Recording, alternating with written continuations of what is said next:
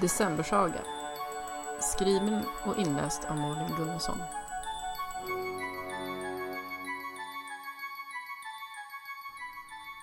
Det knarrade under skorna när hon gick.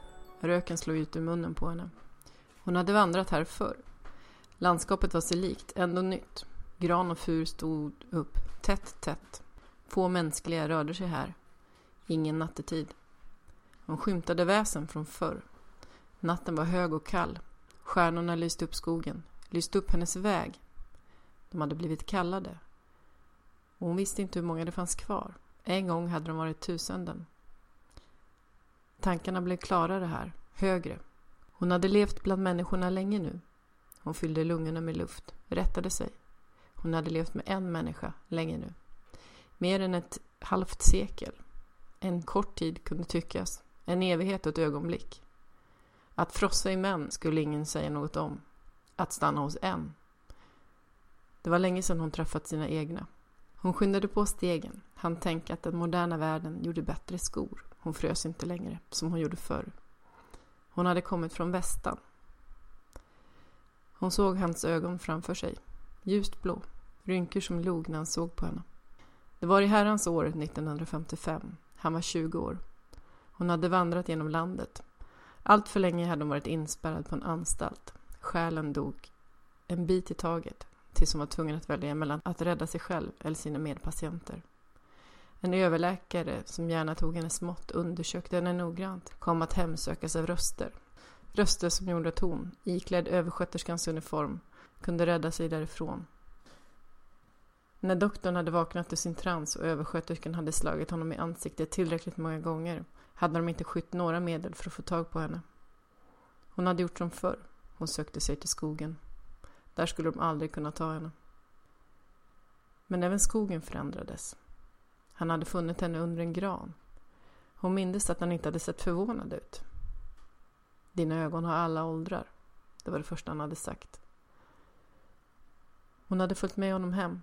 Hon hade blivit kvar. Han ställde få frågor, som om han redan visste svaren.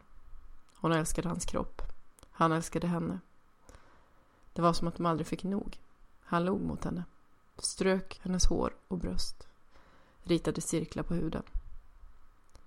Tiderna ändrades. En mur byggdes och föll. Krig kom och gick. Hon kunde höra jordens rörelser i vinden, i berget, i vattnet. De flyttade. Var tionde år flyttade de. Han åldrades. Hon såg likadan ut. Hon la händerna på hans bröst och kände. Kanske stoppade hon åldrandet lite. Han hade aldrig frågat henne. Han såg bara i hennes ögon och förde hennes hår bakom örat. Du är trollkunnig, älskade. Hon nickade och vände sig bort. Han drog henne mot sig och mumlade i hennes hår. Något varmt rann ner för hennes rygg och spred sig över bröstet. Hon lösgjorde sig och gick ut. Hon hade svårt att andas. Hon gick mot skogen. Inte olik den hon gick i nu, men då var årstiden en annan och mossan och barren och den fuktiga luften gjorde att hon kunde andas in den mättade luften i lungorna. Doften gjorde henne lugn. Hon vandrade i cirklar. Så återvände hon. Till honom. Han kramade henne när hon kom. Tog henne i handen och ledde henne till sängen. Värmen kom tillbaka i bröstet och hon grät. Hans kropp blev äldre. Färgen på ögonen bestod, men rynkorna tätnade. Håret på bröstet grånade. Han frågade om hon ville vara kvar. Hon nickade. Han frågade aldrig mer. Så kom kallelsen. Jordens rörelser ökade i styrka. Vindarna, mistralen, Bore och de andra ökade. De dova lätena från berget ljöd över jorden. Skriket när hettan från jordens inre vällde ut. Berg som sjönk ner när andra reste sig. Haven rörde sig också. Hon minns första gången hon hade gått genom Finnskogen. Det hade också varit under en vinter. De hade vandrat länge. Hon hade hållit en kvinna i handen. En vacker kvinna. Hon hade kallat henne mor. Mor hade talat om deras uppgift, om jorden och om livet.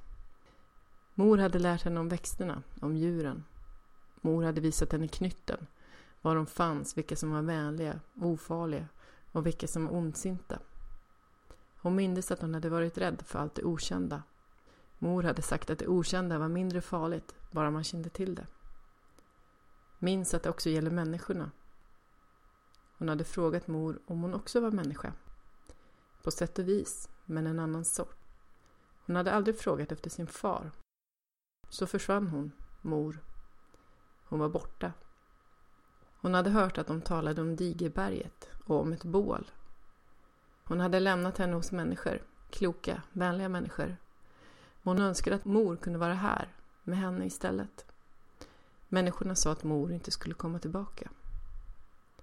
Hon skulle inte heller komma tillbaka. När hon blev kallad visste hon att det var slutet. Hon kunde inte lämna honom kvar.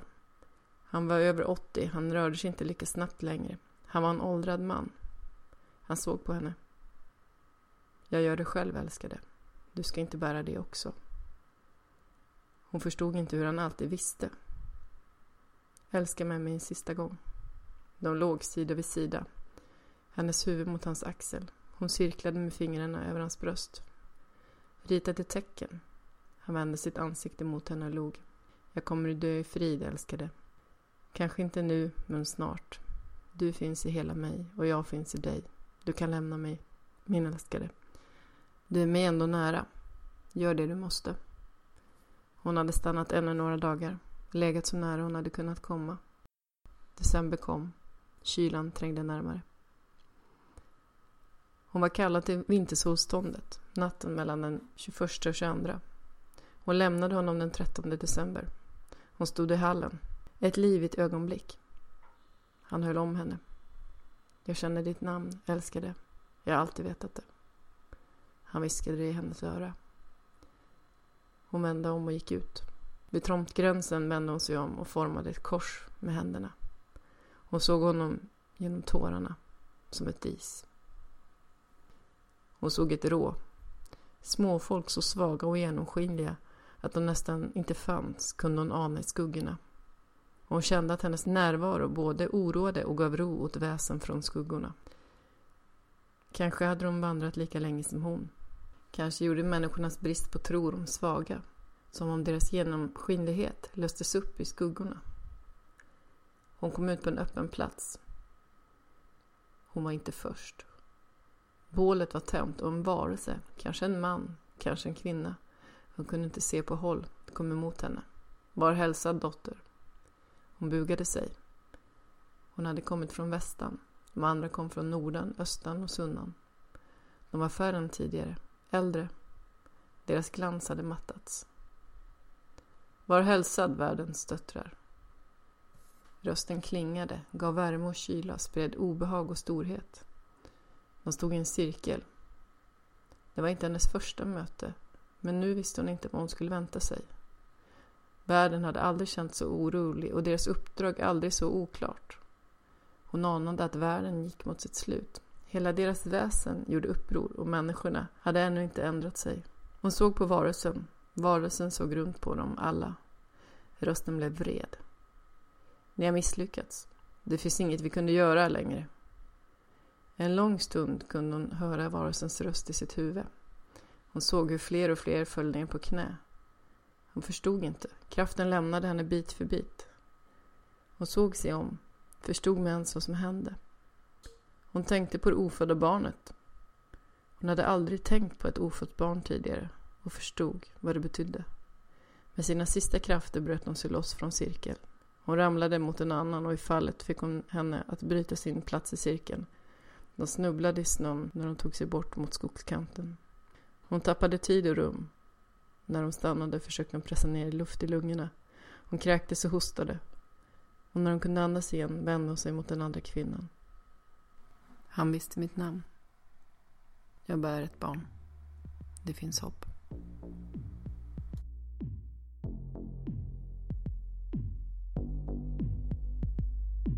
Du har lyssnat på Decembersaga skriven av Malin Gunnarsson